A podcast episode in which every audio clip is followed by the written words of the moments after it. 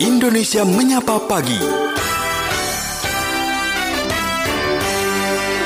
Ya, terima kasih untuk Anda pendengar yang masih bersama kami dalam program Indonesia Menyapa Pagi. Pendengar seperti biasa di pukul 9 lebih 30 atau 37 menit ya saat ini kami akan ajak Anda untuk terhubung dengan dialog layanan kesehatan. Jadi ini merupakan kerjasama dari FKUI dan Radio Republik Indonesia. Adapun tema kita dalam dialog kesehatan kali ini adalah terkait sakit pinggang, apakah selalu saraf kejepit? Berikut adalah dialog kesehatan untuk Anda.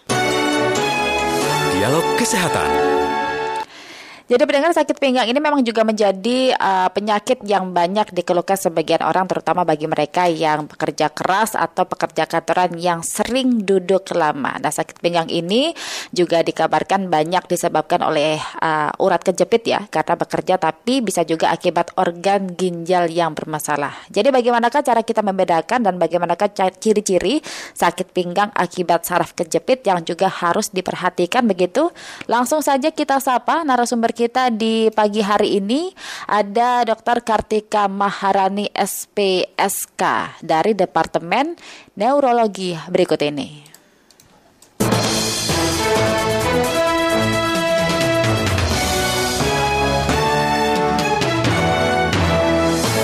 Pro 3 Jaringan Berita Nasional. Selamat pagi Dr. Kartika.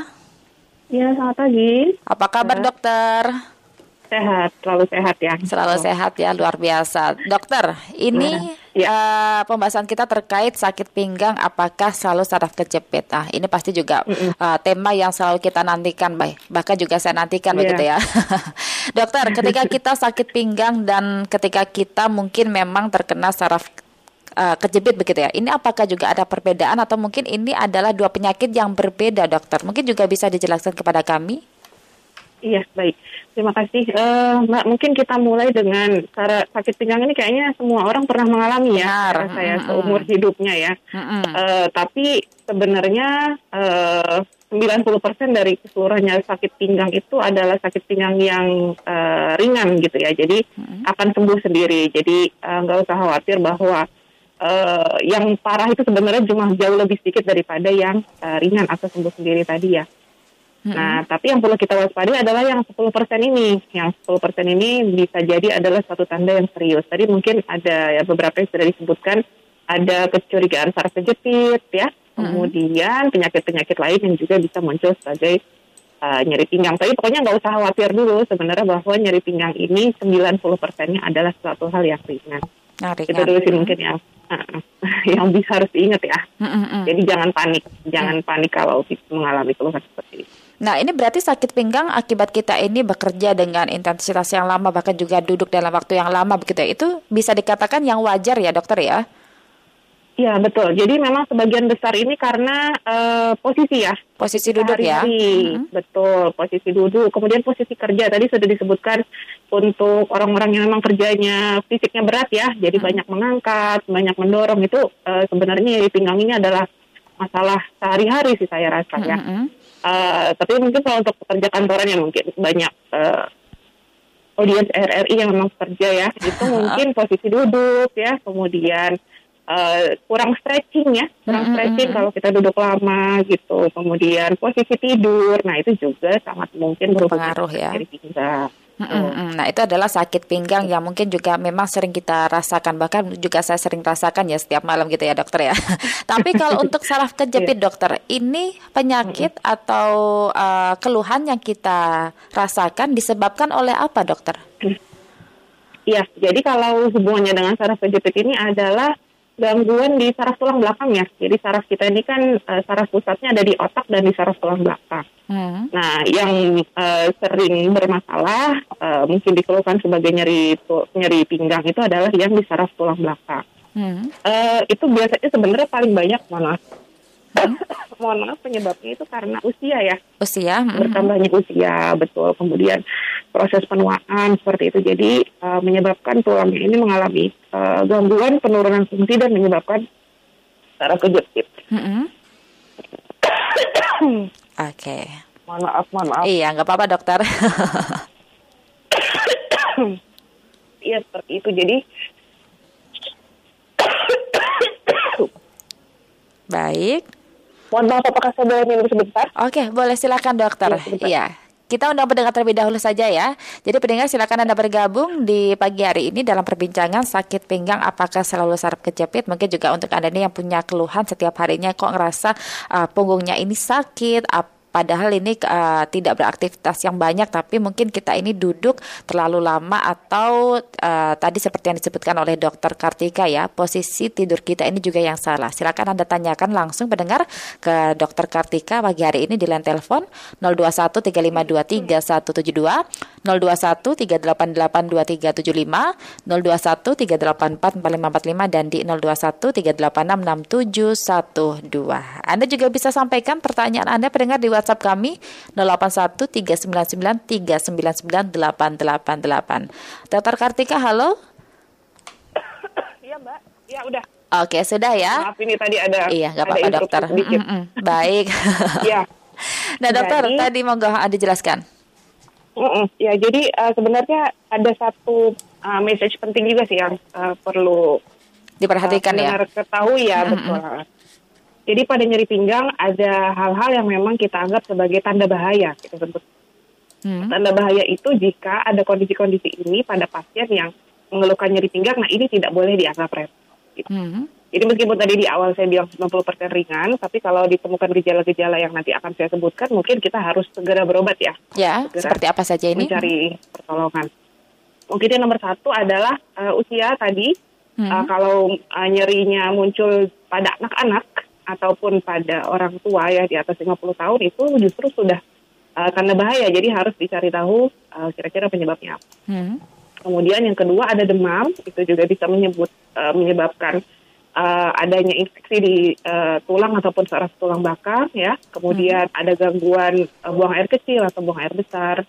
Kemudian pada pasien-pasien dengan uh, HIV positif ataupun pasien dengan keganasan Hmm. Uh, kemudian ada riwayat jatuh. Nah itu kan sering ya. Jatuh. Kita habis jatuh kemudian uh, mengeluhkan nyeri. Nah ini sebenarnya pada awalnya harus dievaluasi dulu apakah ini sesuatu yang bahaya atau memang akan membaik dengan sendirinya dalam beberapa hari.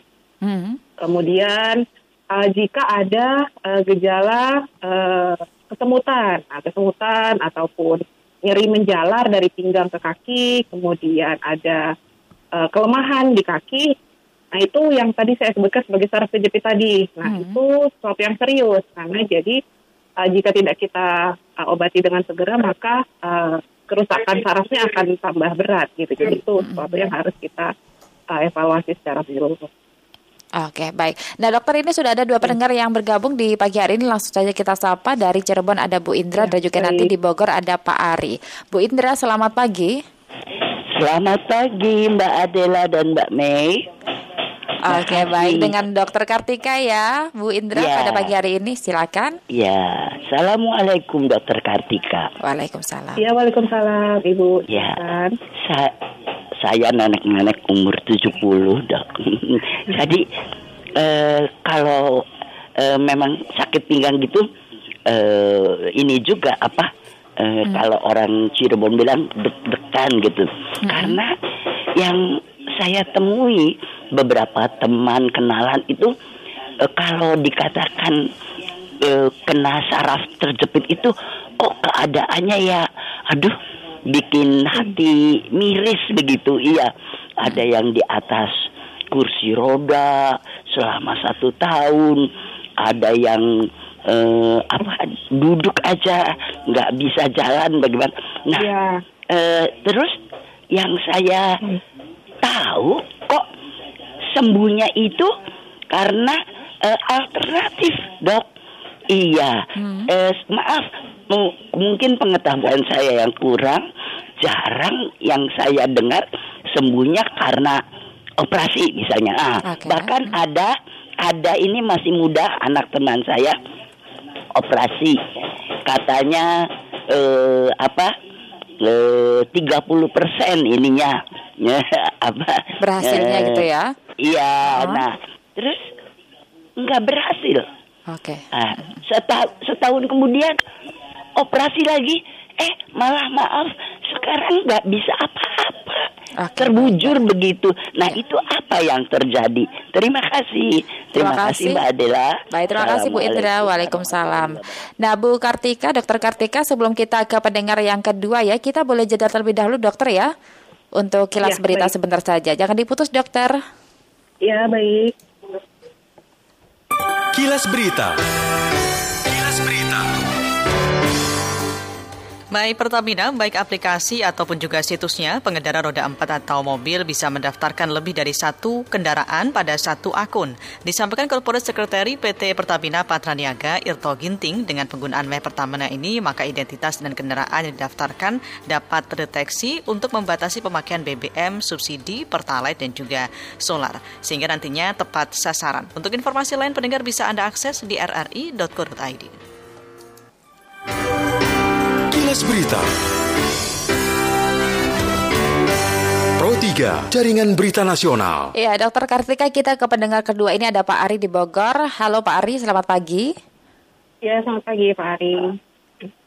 Halo Pak Ari. Iya, namanya terputus ini ya. Sambungan telepon Pak Ari, silakan bergabung kembali di line telepon kami. Nah, dokter kita ke Bu Indra terlebih dahulu tadi ya. Pertanyaan pertama ini, apakah memang kalau kita itu terkena saraf terjepit harus diobati secara uh, tradisional atau alternatif gitu ya, seperti pijat mungkin ya yang dimaksud. Dan yang kedua tadi hmm. mungkin juga Bu Kartika ini dokter Kartika juga sudah mendengarkan sendiri ya pengobatannya dengan ya. operasi itu uh, suksesnya bisa berapa persen? Terus itu dikarenakan apa gitu dokter? Ya baik, uh, terima kasih pertanyaannya Bu Indah ini uh, sangat sulit menjawabnya ya Mbak ya, karena tadi saya sampaikan memang penyebab sakit pinggang ini banyak sekali, mungkin saya bilang uh, penyebabnya di atas 100 macam ya penyebabnya, hmm. jadi sangat sulit untuk kita belajar hanya dari satu dua kasus yang tadi diceritakan ya. Hmm.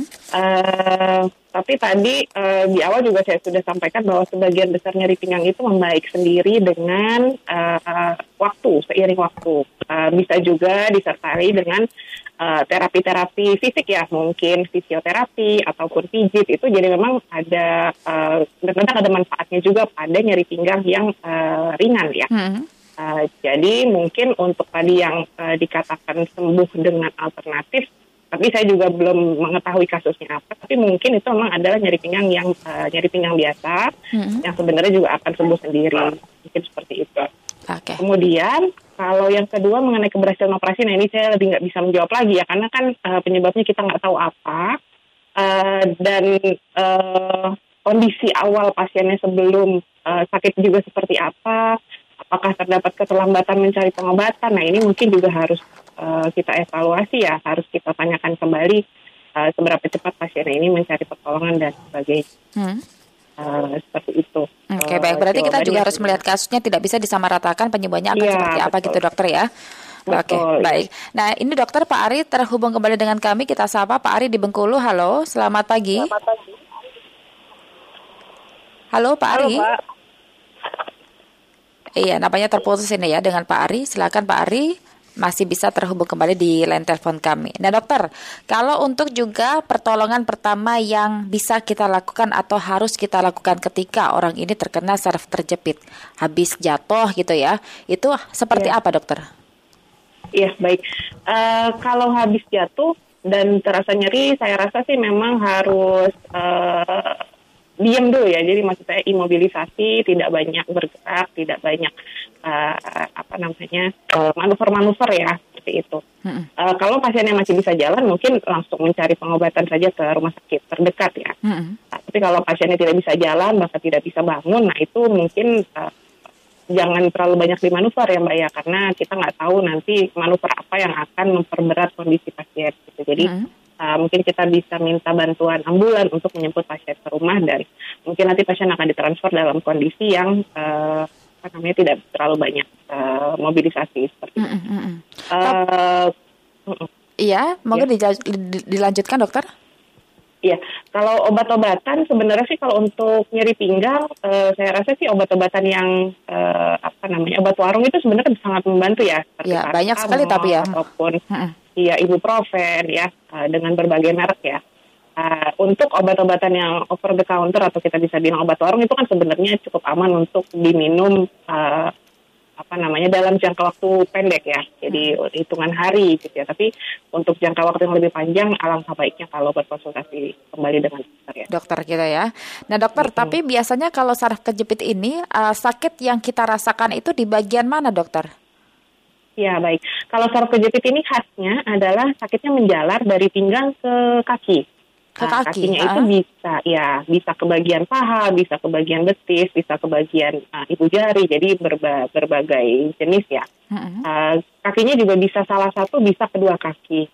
Dan uh, biasanya nyerinya hilang timbul. Nah, hilang timbulnya itu biasanya kalau pasiennya beraktivitas akan makin berat, tapi kalau pasiennya istirahat biasanya akan membaik seperti itu. Kemudian yang cukup khas juga untuk saraf kejepit adalah kebas ya. Nah, jadi keluhan baal terutama di kaki uh, biasanya kalau kebas ada yang hilang timbul, ada juga yang uh, menetap. Jadi uh, nyeri menjalar ke kaki dan juga rasa kebas itu biasanya yang khas untuk keluhan saraf kejepit.